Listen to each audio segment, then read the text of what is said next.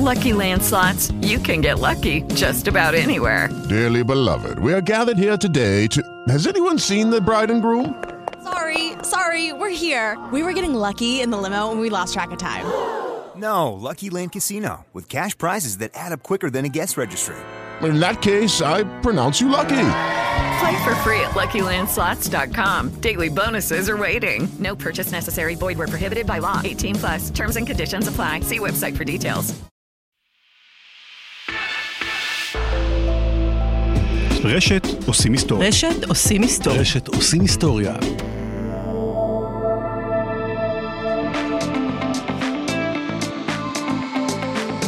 עושים פסיכולוגיה, עם דוקטור מעיין בוימן משיטה.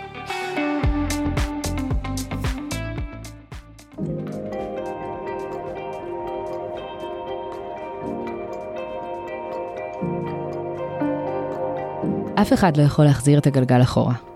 אף אחד לא יכול למחוק את הזוועה שהייתה. את האונס, ההתעללות, התאונה או המלחמה. את זה לא ניתן לעשות. אבל האם ניתן לטפל בצריבה שהשאירה הטראומה על הגוף והנשמה? האם אפשר לטפל בסיוטי הלילה, בפלשבקים שתופסים אתכם לא מוכנים, באשמה, בשנאה העצמית, בקושי להיפתח לאנשים חדשים, בלחץ בחזה? פוסט-טראומה היא בעיה שמלווה אנשים רבים ופוגעת באיכות חייהם. מאמצים רבים נעשים כבר שנים כדי לפתור את הבעיה הזו, למצוא לה מרפא. אבל מסתבר שזה לא כל כך פשוט, משום שהמוח שלנו, בניסיון להגן עלינו, פועל נגד עצמו, הוא פוגע בנו. זה קורה בכמה דרכים. למשל, עניין הדריכות. האדם הפוסט-טראומטי חווה אירוע נוראי ששיבש את מערכת ההתראה שלו, את גלאי העשן של נפשו. זה שמתריע כשיש סכנות ומפעיל אצלנו את תגובת הילחם או ברח. חשבו על זה כך, נניח שאתם עובדים במגדל השמירה של בית הכלא, ותפקידכם הוא להפעיל נוהל מעצר חשוד כשמישהו מנסה לברוח. יום אחרי יום אתם מגיעים למגדל השמירה, מנשנשים במבה, משחקים קצת בטלפון. כשיש חשד שמישהו מנסה לברוח אתם מיד מתריעים, וכשאין חשד אתם חוזרים לפלאפון ולבמבה. הכל שגרתי למדי עד שיום אחד בעודכם במשמרת, מישהו מסוכן בורח. אתם מאתרים אותו, אפילו מתריעים, אבל לא מצליחים למנוע את הבריחה. האיש בורח, ואולי אפילו פוגע באנשים אחרים בזמן מנוסתו. כעת, דמיינו לעצמכם אתכם חוזרים אחרי האירוע הזה לעמדת השמירה. מה שסביר להניח שיקרה, זה שבפלאפון ובבמבה כנראה לא תיגעו יותר, וכל רשרוש אלים יגרום לכם לקפוץ בבהלה ולצעוק וואקף וואקף ולא ענה בטוחה. אחרי שהתרחש אירוע נורא פעם אחת כשאתם הייתם במשמרת, תעשו כל שביכולתכם כדי שזה לא יקרה שוב. עמדת השמירה של המוח שלנו היא המערכת הלימבית, ובפרט האמיגדלה. אזור מוחי שמשמש מעין חדר מצב, בכל הקשור לתגובה לאיום. כשהאזור הזה מזהה סכנה, הוא מעביר פקודות שמטרתן להכין את הגוף לפעולה. הילחם, ברח או כפה. אצל אדם שחווה אירוע טראומטי, משהו נורא קרה.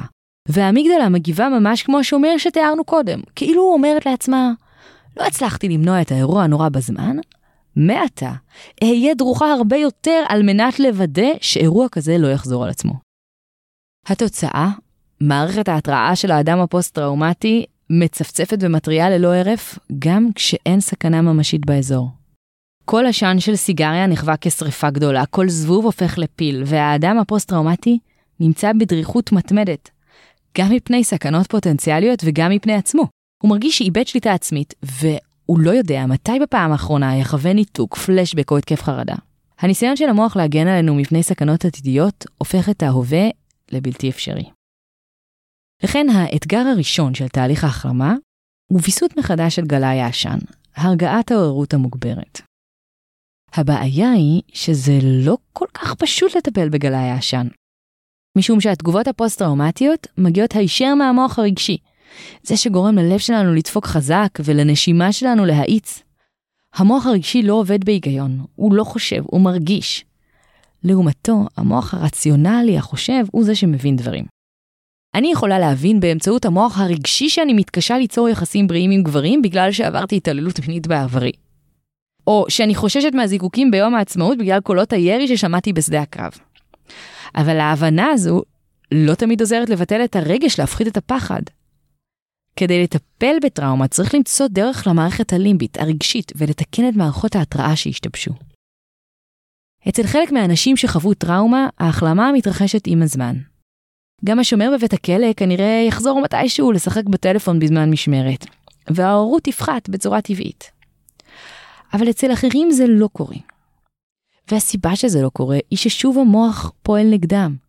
במקום לקטלג את הזיכרון של האירוע הטראומטי בקטלוג זיכרונות העבר, הוא מקטלג את האירוע כמשהו שעדיין נמשך, זיכרון חי ולא סגור. הקידוד המוחי של זיכרון נורמלי שונה באופן מהותי מזיכרון טראומטי. זיכרונות רגילים דוהים ומשתנים עם הזמן, אבל זיכרונות טראומטיים לא משתנים. הם נשמרים חיים כשהיו, לעתים גם 50 שנים אחרי האירוע המקורי. סריקות מוחיות אצל אנשים שעברו טראומה מצאו שהאזורים המוחיים שאחראים לאינטגרציה של זיכרונות לא פועלים כמו שצריך בזמן זיכרון טראומטי.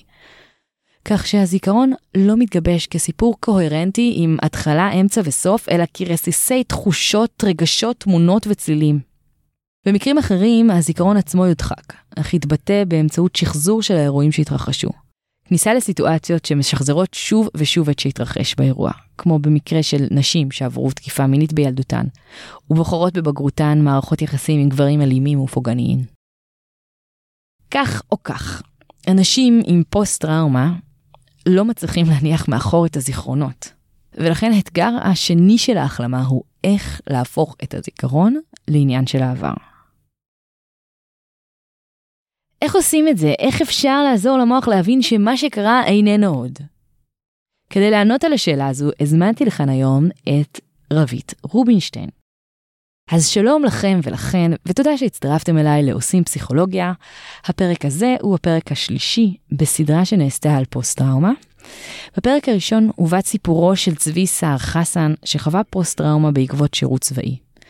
בפרק השני הובא סיפורה של זוהר שכטמן, שסובלת מפוסט-טראומה מורכבת בעקבות התעללות מינית ארוכה.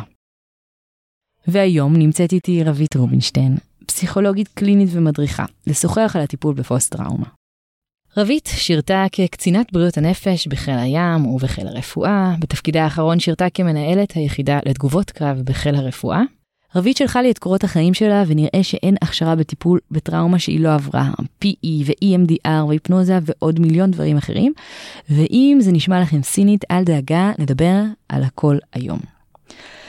שלום רבית, ותודה שהגעת לכאן היום מהצפון הרחוק הישר מיישוב שמשית. לפני שנצלול לשיטות הטיפול השונות, אני רוצה לפתוח בשאלה כללית. האם בכלל ניתן לרפא פוסט-טראומה? יש uh, שיח שאני חייבת להודות שקשה לי לשמוע אותו, כאילו זו מחלה שאין לה מרפא, וזה לא נכון.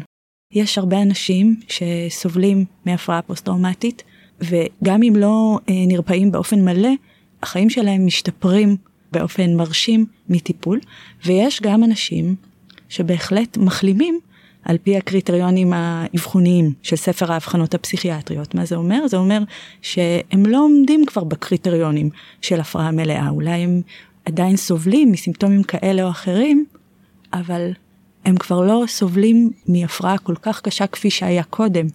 אוקיי, okay, מגיע מישהו עם פוסט טראומה, איך בכלל מתחילים טיפול שכזה? אחד הדברים החשובים ביותר בכניסה לתהליך טיפולי עם אדם אה, שסובל מהפרעה פוסט-טראומטית, היא קודם כל איזשהו ביסוס של אמון במטפל. הבנה שיש משהו שאפשר להיעזר בו. בדרך כלל, אנשים שעוברים אירועים טראומטיים וסובלים בעקבות זה מהפרעה פוסט-טראומטית, משהו באמון נפגע. ולכן עצם ההגעה לטיפול היא לא מובנת מאליה. יש צורך בביסוס ברית טיפולית שמעבר בדרך כלל בפנייה לטיפול פסיכולוגי ולכן זה הבסיס. אחרי שביססנו את הברית הטיפולית והאדם מסכים להיכנס לתוך הטיפול, כפי שאת אמרת, אנחנו צריכים אה, לייצב את המערכת הרגשית שהיא בעוררות יתר ובתגובתיות יתר. מה קורה שמה? המערכת הלימבית, המערכת אה, שיושבת אה, ככה עמוק אצלנו במוח, היא מגיבה כמו צ'קלקה של משטרה. היא כל הזמן פועלת, היא כל הזמן מאתרת סכנות. אפילו באירועים שהם בכלל לא מסוכנים לאדם רגיל, לאדם הפוסט-טראומטי יראו סיטואציות שהן לא מסוכנות כמסוכנות, על פי ההקשר של האירוע הטראומטי. למשל, חיילים שעברו אירועים טראומטיים בשדה הקרב, הימצאות שלהם במקומות הומי אדם, בשוק, בקניון, בהופעה, שבעבר הם היו מאוד נהנים מהמצבים האלה ו- וחוגגים אותם. עכשיו הם לא יכולים לשבת בהמון הזה. זה הופך להיות סיוט עבורם. אם הם ילכו בכלל להופעה, הם ישבו בצד, הם יזכרו את הפתחים, הם יהיו חסרי שקט, כי האיום הוא תמידי. יש הרבה אנשים ואין שליטה, ואי אפשר לראות אם יש צלף אולי שיכול לפגוע, אבל אין צלף, זאת הופעה, זה חמי רודנר, זה לא משהו, אבל מבחינתם יש צלף, וצריך להיזהר. והוא מתערבב עם המציאות שהייתה אז והמציאות שהייתה עכשיו. כפי שאת אמרת קודם, שהדברים של אז ועכשיו מתערבבים, וזה יוצר עוררות יתר של המערכת הרגשית. With lucky landslots, you can get lucky just about anywhere. Dearly beloved, we are gathered here today to. Has anyone seen the bride and groom? Sorry, sorry, we're here. We were getting lucky in the limo and we lost track of time. No, Lucky Land Casino, with cash prizes that add up quicker than a guest registry. In that case, I pronounce you lucky. Play for free at LuckyLandSlots.com. Daily bonuses are waiting. No purchase necessary. Void were prohibited by law. 18 plus. Terms and conditions apply. See website for details. כיצד ניתן להרגיע את עוררות היתר ולהפוך את זיכרון הטראומה לנחלת העבר? שיטה נפוצה היא PE, Prolonged Exposure, או טיפול בחשיפה ממושכת. שיטת הטיפול הזו פותחה על ידי פרופסור עדנה פואה, שהיא פסיכולוגית וחוקרת ישראלית-אמריקאית שאפילו נבחרה לאחת ממאה האנשים הכי משפיעים בעולם בשנת 2010. השיטה היא מבוססת על עקרונות מעולם הטיפול הקוגנטיבי-התנהגותי, ועיקרה חשיפה חוזרת על האירוע הטראומטי והפסקת ההימנעות. לעתים קרובות אנשים שעברו אירוע טראומטי לא מעוניינים להיזכר בו או לדבר עליו, משום שהוא מעורר בהם חרדה עצומה. בהדרגה, הם מתחילים להימנע ממקומות, סיטואציות ואנשים שמזכירים להם בצורה כלשהי את האירוע. הבעיה היא שההימנעות משמרת את החרדה. חישבו על זה, נניח שאתם מפחדים ממעליות. מה שיקרה בוודאי זה שלא תשתמשו במעלית. ואז, כשתגיע הפעם האחת שבה תהיו מחויבים להשתמש במעלית, יש סיכוי רע שתקבלו התקף חרדה. אבל אם במקום להחליט שאתם נמנעים משימוש במעלית, תחליטו שאתם משתמשים בהן למרות הפחד, ותלמדו שיטות הרגעה. הפעם הראשונה תהיה מפחידה ותרגיעו את עצמכם. הפעם השנייה קצת פחות מפחידה, והפעם העשירית כבר לא מפחידה בכלל. ינתק הקשר בין מעלית לבין הפחד, יישאר בעבר, ויהפוך את ההווה לבטוח יותר ומפחיד הרבה פחות. רבית, איך זה בעצם עובד? מישהי מגיעה לטיפול בחשיפה ממושכת. נניח לצורך ההדגמה, בחורה בשם שני שעברה תקיפה מינית מגיעה לטיפול. איך זה נראה? האם מבקשים ממנה להיזכר באירוע הנוראי שוב ושוב ושוב? במידה ובאמת בחרנו בחשיפה ממושכת כטיפול הנבחר בתוכנית הטיפולית, אני בעצם מסבירה את הרציונל של הטיפול, שבעצם מה שקרה לה, בניגוד לאנשים אחרים שעברו אירוע טראומטי ולא פיתחו הפרעה פוסט-טראומטית, זה שהיא, כמו אנשים אחרים שסובלים מהפרעה פוסט-טראומטית, לא עשו תהליך של החלמה. תהליך של החלמה ספונטנית, שבדרך כלל קורה אצל רוב האנשים, שקרה להם אירוע, ולאט לאט הם מאבדים אותו, ותגובת הפחד שלהם הולכת ופוחתת כשהם נזכרים באירוע, או שהם נזכרים, פוגשים אירועים שמזכירים את האירוע הטראומטי. אצלה משתמרת תגובת הפחד, ואין אפשרות להפחית את העוצמות הרגשיות שמתלוות לזיכרון. אני אדבר איתה על זה, שככל שאנחנו נחזור על הסיפור של האירוע הקשה שקרה לה, לאט לאט יהיה אפשר לחבר בין זיכרון לרגש, ויהיה אפשר להיזכר בעוד ועוד פרטים של האירוע, ויהיה אפשר לסדר בתיקיות השונות, ולארגן את הסיפור של הטראומה, שהרבה פעמים הוא מקוטע ולא מאורגן, ומחוק ומבולבל, ולאט לאט יהיה סיפור קוהרנטי, שיהיה מחובר גם לתחושות, בגוף, ברגש, מחשבות.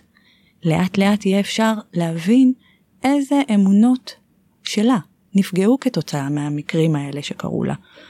ומה אפשר לקחת ואולי לתקן באמונות האלה שנפגעו, ומה היא תשאיר לעצמה. האם החוויה שלה את העולם תמשיך שהעולם מסוכן, שאי אפשר לסמוך על אנשים אחרים, שהיא לא קומפוטנטית. אולי חלק יהיה אפשר לשנות. אולי לא כל העולם מסוכן, אולי יש אנשים שחלקם אפשר לסמוך עליהם. והעבודה על הזיכרונות, שזה בעצם מה שנקרא חשיפה בדמיון, שאנחנו שוב ושוב באופן הדרגתי נחשפים לאירוע, בהתחלה לאירוע כולו, ואחר כך לחלקים ספציפיים בתוך האירוע שהם חלקים המאתגרים, במקביל לחשיפה במציאות. חשיפה במציאות זו חשיפה לאנשים, למצבים, למקומות שהם מזכירים את האירוע הטראומטי.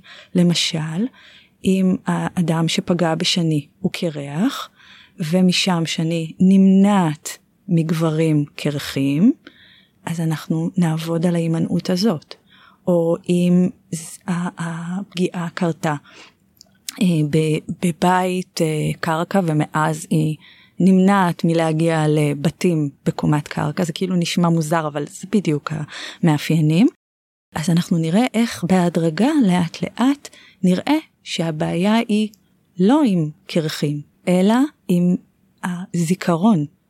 וככל שנחזור על הזיכרון, הזיכרון לא מסוכן.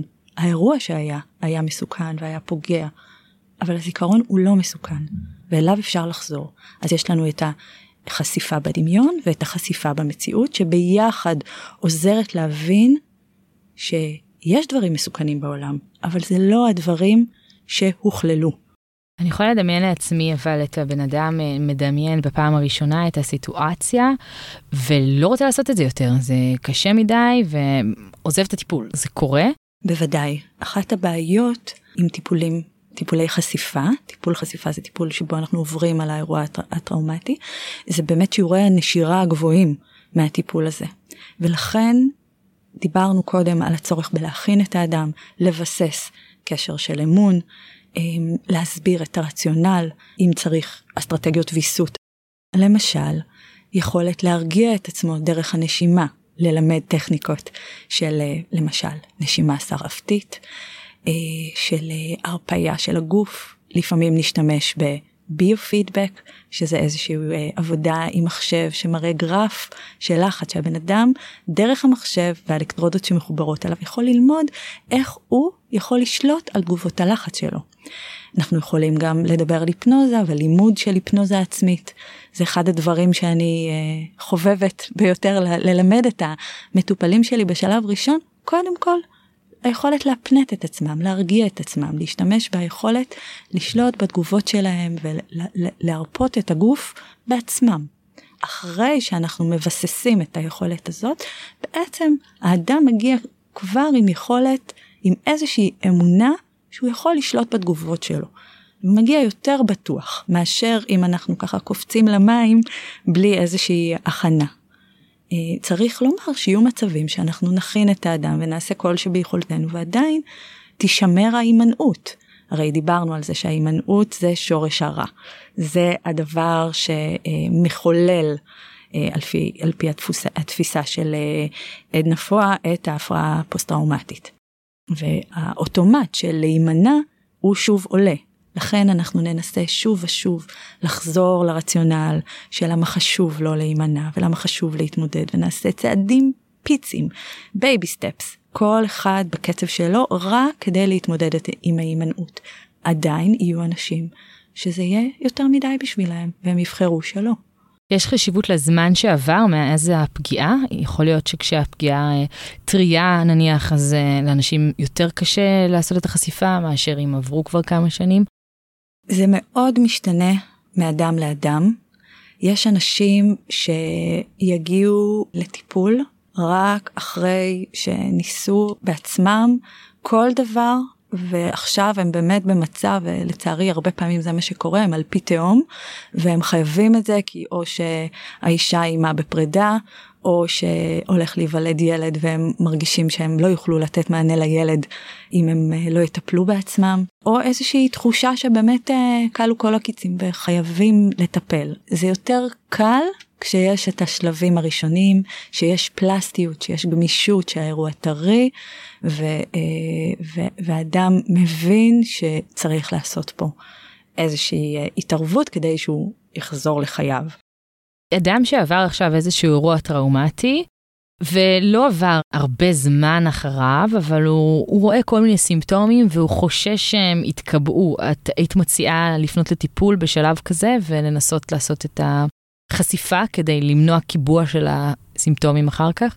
הדילמה של להתערב או לא להתערב היא, היא ממש דילמה אה, מרכזית בספרות המקצועית של אה, טיפול בהפרעה פוסט-טראומטית, כי בעבר היו גישות ש, שדחפו להתערבות, ממש מיד, יום אחרי, ולימים הייתה הבנה שהתערבות עודפת, או התערבות שהיא לא מותאמת, יכולה לעשות נזק. בעצם 50% ממי שמאובחן עם הפרעה פוסט-טראומטית, מחלים באופן ספונטני בלי טיפול כעבור שנה, אוקיי? זה אחוזים ניכרים. מנגד, חמישית ממשיכים להראות תמונה כרונית, כך שאנחנו צריכים לשקול היטב את הנושא של ההתערבות. למי כדאי להציע התערבות כמה שיותר מהר, אה, ומי wait and see, בוא נראה. וכאן חשוב לי להגיד שצריך לזכור שיש תגובה נורמלית לאירוע לא נורמלי ואנשים שמגיבים אחרי אירוע טראומטי וזה לגמרי טבעי ובסדר ואנחנו מצפים ואנחנו אומרים את זה לאנשים תראו הסימפטומים ילכו ויפחתו ואתה תרגיש יותר ויותר טוב. ואנחנו אומרים אם תראה שכעבור שבוע שבועיים הדברים הסימפטומים לא פוחתים והדברים לא משתפרים אז לפנות לטיפול. כשאנחנו רואים הפחתה ויש יכולת לחזור לשגרה ולחיים, זו בריאות, וסביר להניח שמישהו כזה שיפנה לטיפול, ניתן לו את ברכת הדרך ואת הטלפון ונגיד, דבר איתי בעוד חודש ונראה מה שלומך. חשיפה ממושכת היא אחת מהדרכים היעילות ביותר לטפל בפוסט-טראומה, ואחת המומלצות שבהן. אבל מי רוצה להיזכר שוב ושוב באירוע שאותו מנסים לשכוח? זה לא נשמע מפתה במיוחד, וזה באמת קשה מאוד. לא מפתיע שאחוזים גבוהים מהמטופלים לא מצליחים להשלים את מכסת הטיפולים ועוצרים באמצע. אז מה יכול לעשות מי שהשיטה הזו פשוט לא בשבילו? האם יש שיטות נוספות שיכולות לעזור להם? ציינתי קודם את הנושא של היפנוזה, שהיפנוזה היא בעצם אה, אה, שיטה אה, או בעצם איזו תפיסת עולם שאיתה אפשר לעבוד בטיפול ואפשר לעבוד עם השיטות שהזכרתי קודם יחד עם היפנוזה ואפשר לעשות טיפול שהוא מסורתי יחד עם היפנוזה בעצם השימוש בהיפנוזה מהניסיון שלי עם עבודה עם מטופלים פוסט טראומטיים מאוד מאוד יעיל ועוזר לאבד את הזיכרונות הפוסט טראומטיים באופן כזה שהם יכולים להכיל את זה. בטיפול בהיפנוזה מה שעושים זה יש איזושהי עבודה דיסוציאטיבית בעצם שקורית יחד עם הטיפול ובעבודה עם טראומה אנחנו בעצם חוברים למנגנון הזה ונוגעים באזורים שהנפש שמה בצד.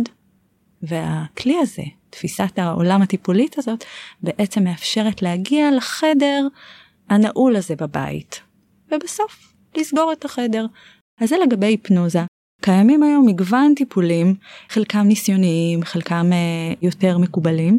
טיפול שעלה לכותרות זה הטיפול אה, בליווי, פסיכותרפיה בליווי MDMA, שבעצם ההבנה היא שפסיכותרפיה היא הגורם המרפא, אבל בגלל שלאנשים שסובלים מהפרעה פוסט טראומטית, הרבה פעמים דיברנו על זה, הם נמנעים מלבוא במגע עם הזיכרונות, ה-MDMA הוא בעצם עוזר להיות יותר פתוחים לעיבוד של הזיכרונות, ואז יהיה אפשר יותר בקלות לעשות את התהליך.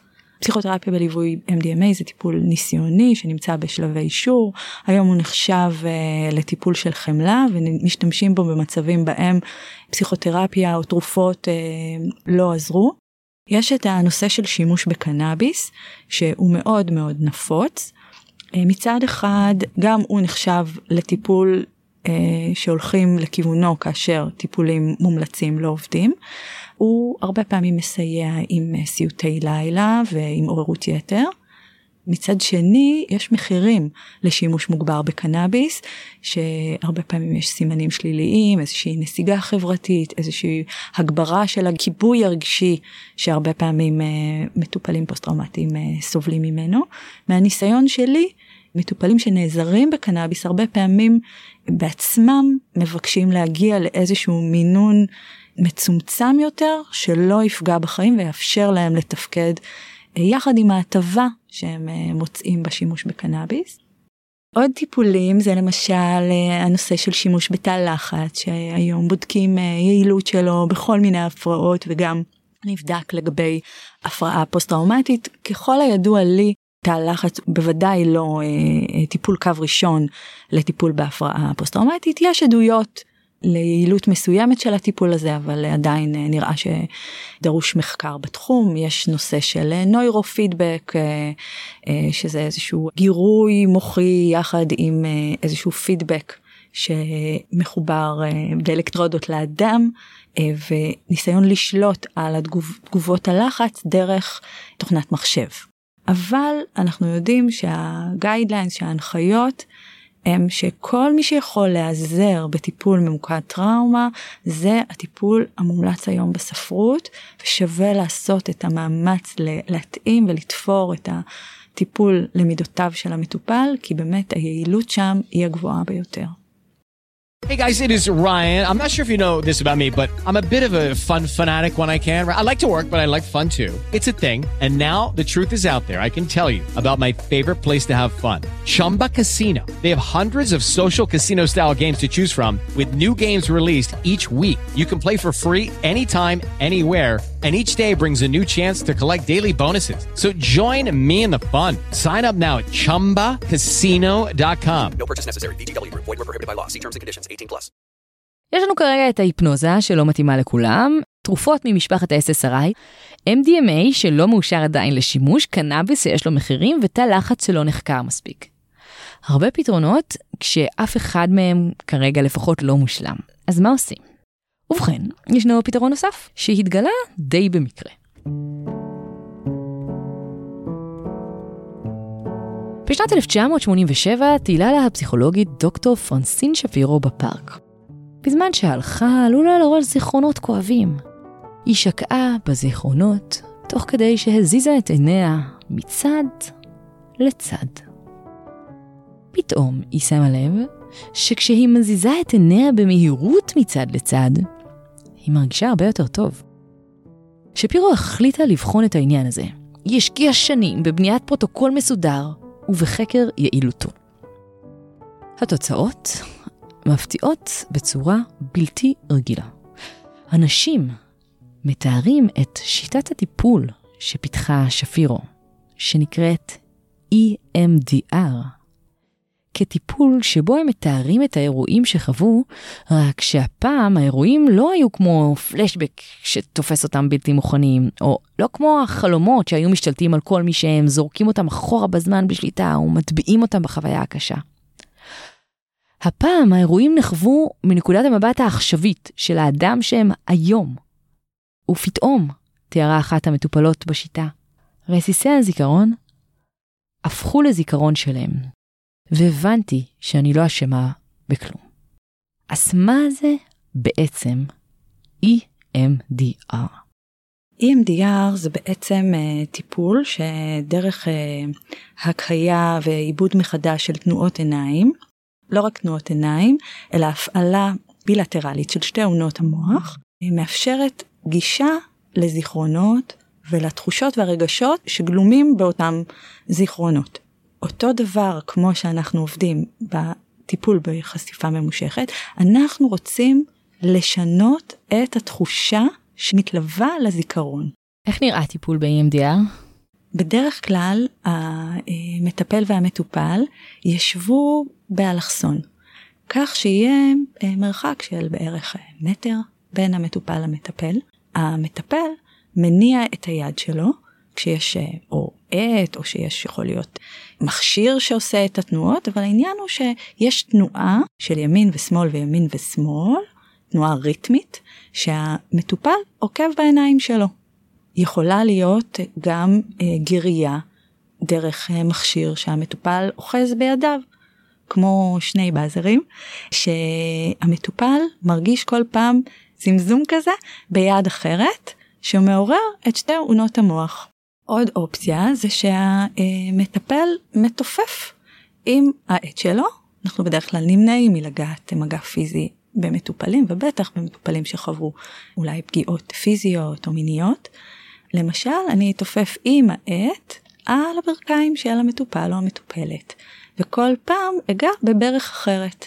כי לפעמים יש מטופלים שלא נוח להם לעבוד ככה עם העיניים ולעקוב בעיניים, או שאנחנו רוצים לייצר עוד עומס על המערכת הקוגנטיבית. אנחנו רוצים ליצור איזושהי גריית יתר שתעמיס את המערכת ותטה את הקשב למקום אחר שיאפשר עיבוד של הזיכרון.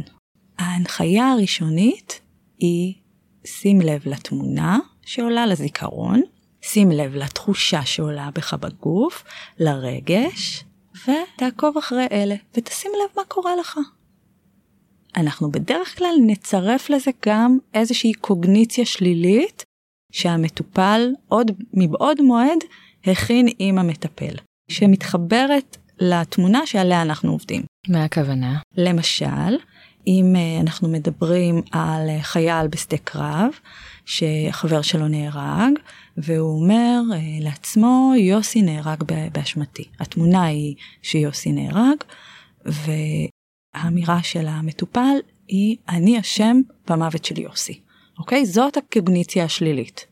אחרי שביררנו את הקוגניציה השלילית, אנחנו גם נבנה קוגניציה חיובית, למשל, עשיתי כל שביכולתי, אנחנו נבקש ממנו לקחת את התמונה של יוסי שנהרג, את הקוגניציה השלילית לגבי האשמה על המוות של יוסי, את הרגש שעולה, שזה בושה נגיד, את התחושה בגוף של בוקס בבטן, וכל אלה ונבקש ממנו לעקוב אחרי העט או אחרי המכשיר הזה שעומד מולנו. כמה מפגשים נדרשים לשיפור? מהניסיון שלי, בדרך כלל רואים שיפור תוך מפגשים ספורים. כמות המפגשים הנדרשים תלוי במורכבות של האירוע ובמצב אה, של המטופל. למשל, מרכיב של דיסוציאציה, של ניתוק, של אנשים שנמצאים במצב שהזיכרונות לא נגישים, יכול להיות שייקח יותר זמן, ואז נעבוד יותר על uh, תחושות גוף, כי הזיכרון לא קיים שם, כי רק הגוף זוכר ואיתו אנחנו עובדים. אז זה מאוד קשור למאפיינים האלה, אבל בעיקרון אם אנחנו מדברים על טיפולים ממוקדי טראומה, הסטנדרט הוא 15 מפגשים, זה ככה טיפול uh, סביר. ושוב, אני לא מתייחסת למקרים שהם יותר מורכבים, uh, גם באופי האירוע עצמו וגם במה שהמטופל מביא איתו, באירועים קודמים, לפני האירוע, שאולי פתאום uh, צצים ועולים בעקבות האירוע וככה מסבכים את התמונה, במבנה האישיות, במורכבות שיש בחיים של המטופל. תשמעי, הטיפול הזה הוא נשמע כמו איזה כישוף, זה כל כך מוזר, ולמרות זאת הוא יעיל. במחקר שהתפרסם בשנת 2007, בחנו את ההשפעה של ה-EMDR באמצעות השוואה בין שלוש קבוצות. בקבוצה הראשונה המטופלים קיבלו פלסבו, שאגב שיפר את מצבם ב-42 אחוזים שזה לא מעט. הקבוצה השנייה קיבלה פרוזק, והמטופלים בקבוצה הזו השתפרו רק קצת יותר מהמטופלים בקבוצה של הפלסבו. ובקבוצה השלישית טיפלו באמצעות EMDR, וכאן היה שינוי דרמטי, כי רבע מהאנשים שטופלו באמצעות השיטה נרפאו כמעט לגמרי אחרי שמונה טיפולים בלבד. ושמונה חודשים לאחר מכן, 60% מהנבדקים שקיבלו EMDR נרפאו לחלוטין. מי שטופל ב-EMDR המשיך להשתפר עם הזמן, גם אחרי שהטיפול נפסק. ולעומת זאת, מי שטופל בתרופה, חזרו למצב הקודם שלהם ברגע שהם הפסיקו ליטול את התרופה. זאת אומרת שהתרופה טיפלה בסימפטומים כל עוד נטלו אותה, אבל לא בבעיה. וה-EMDR טיפל בבעיה, הוא נחשב היום לאחד הכלים היעילים ביותר לטיפול בפוסט-טראומה, ולמרות זאת הרבה מטפלים מסתייגים ממנו, ואני לגמרי יכולה להבין למה, זה נראה מוזר מאוד, מיסטי, לא כל כך ברור. יודעים מה הוא עושה, הטיפול הזה? איך הוא עובד? אז יש כל מיני השערות uh, למה זה עובד. זה בעיקר uh, מפליא ומרגש כל פעם מחדש, אני חייבת להודות. יש מחשבה שהמנגנון של uh, החלימה יש לו איזושהי משמעות, שנת הרם, הזמן שבו אנחנו מעפעפים uh, כשאנחנו uh, חולמים. עוד אפשרות שהולכת ומתגבשת היא באמת הנושא של הסטת הקשב, הסחת הדעת דרך הגירוי, וכשהדעת מוסחת יש מקום בזיכרון העבודה לעשות איזשהו שינוי. ואז קורה הנס הזה שקורה עם ה-EMDR, אה, שמאוד מרגש לראות. סקרנו לא מעט שיטות לטיפול. לאף אחת מהן אין 100% הצלחה. לכל אחת מהן יש את חסרונותיה ויתרונותיה. האם יש שיטה אחת שהיא עדיפה על אחרות? אחד הדברים החשובים ביותר בעיניי זה תפירת החליפה לאדם שמגיע לטיפול. אין תבנית שהיא אה, טובה לכולם. יש אה, צורך לקחת מידות, לבדוק מה קורה לאדם, למה הוא מגיב, מה קשה לו, ומה המענה שנכון עבורו. מה שנכון לאחד לא נכון לשני. רבית, תודה רבה רבה לך. האם יש משהו נוסף שהיית רוצה לומר לסיום? כן, יש מונח שנקרא צמיחה פוסט-טראומטית, שאני חושבת שחייבים לציין אותו. יש מקרים שבהם אנשים מסוגלים בכוחות שלהם לעשות שינויים חיוביים בעקבות החוויה של אירועים אה, טראומטיים. צבי סער חסן שהיה פה אה, בפרק על פוסט טראומה בעקבות אירוע צבאי, אה, דיבר על הצמיחה הפוסט טראומטית שלו. אה, ובואי תספרי לי את מה את אה, מכירה בנושא הזה. אז תמיכה פוסט-טראומטית בעצם מדברת על השינוי החיובי שאדם עושה בעקבות אירוע טראומטי. זה לא אומר שהאירוע הטראומטי הוא הפך להיות חיובי, לא, הוא עדיין אירוע נוראי שהאדם עבר, אבל שהאדם הצליח למצוא את ההטבה את זה שהוא הצליח להתפתח ולצמוח והרבה פעמים לעזור לעצמו ולאנשים אחרים לעשות איזשהו שינוי בהתמודדות ובנקודת המבט שלו על מה שקרה לו. תודה רבה רבית על שהגעת לכאן היום.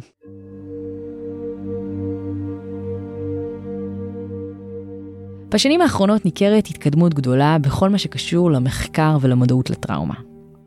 אנחנו מבינים היום יותר ויותר איך טראומה משפיעה על התפתחות המוח ועל הוויסות העצמי. אנו מבינים יותר מה גורם לאנשים בטראומה להיות מנותקים, או למה הם עלולים להתפרץ או להתכנס בקלות.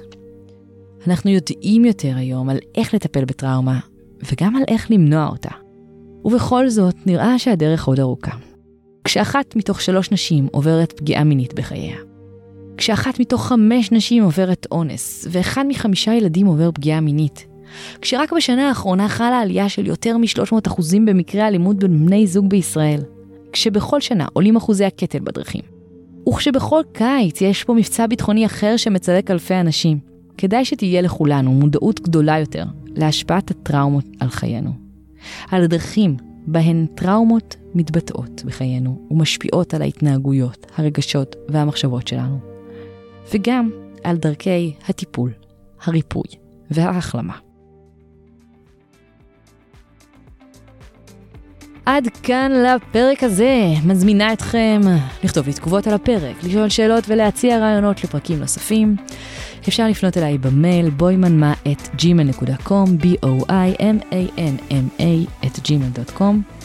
או בעמוד המאזינים של רשת עושים היסטוריה בפייסבוק. אפשר לכתוב לי גם אה, בקבוצה שלנו, בקבוצת הפייסבוק שלנו שנקראת עושים פסיכולוגיה, שם אני מעלה תכנים לקראת ואחרי פרקים, ולא רק אני מעלה, גם אה, אתם התחלתם להעלות, שזה משמח אותי מאוד, אז אני אנצל את ההזדמנות להודות למי שפעיל בקבוצה. מזכירה שאם אתם אוהבים את התכנים שאנחנו מביאים לכם פה, נשמח אם לדרגו אותנו ותפיצו לחברים. אתר הבית של התוכנית הוא עושימהיסטוריה.com, שם תוכלו למצוא את כל הפרקים של התוכנית ולהירשם לרשימת התפוצה שתעדכן אתכם כשפרק חדש יוצא. ניתן להאזין לתוכנית באפליקציות עושים היסטוריה באנדרואיד או בכל אפליקציות הפודקאסטים באשר הן. תודה רבה לשלי נוי, עורכת התוכנית הנהדרת והמופלאה, להדס דרוקר המקסימה, מנהלת הדיגיטל, לאביב שם טוב ואפי בריק על המכירות, לרן לוי העורך הראשי ולדני תימור המנהל העסקי.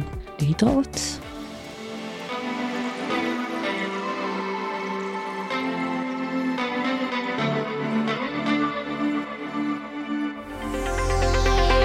לפודקאסטים נוספים של רשת עושים היסטוריה ולהצטרפות לרשימת התפוצה של התוכנית בדואר האלקטרוני, בקרו ב-עושימהיסטוריה.com או הורידו את אפליקציית עושים היסטוריה בחנות האפליקציות של אנדרואיד.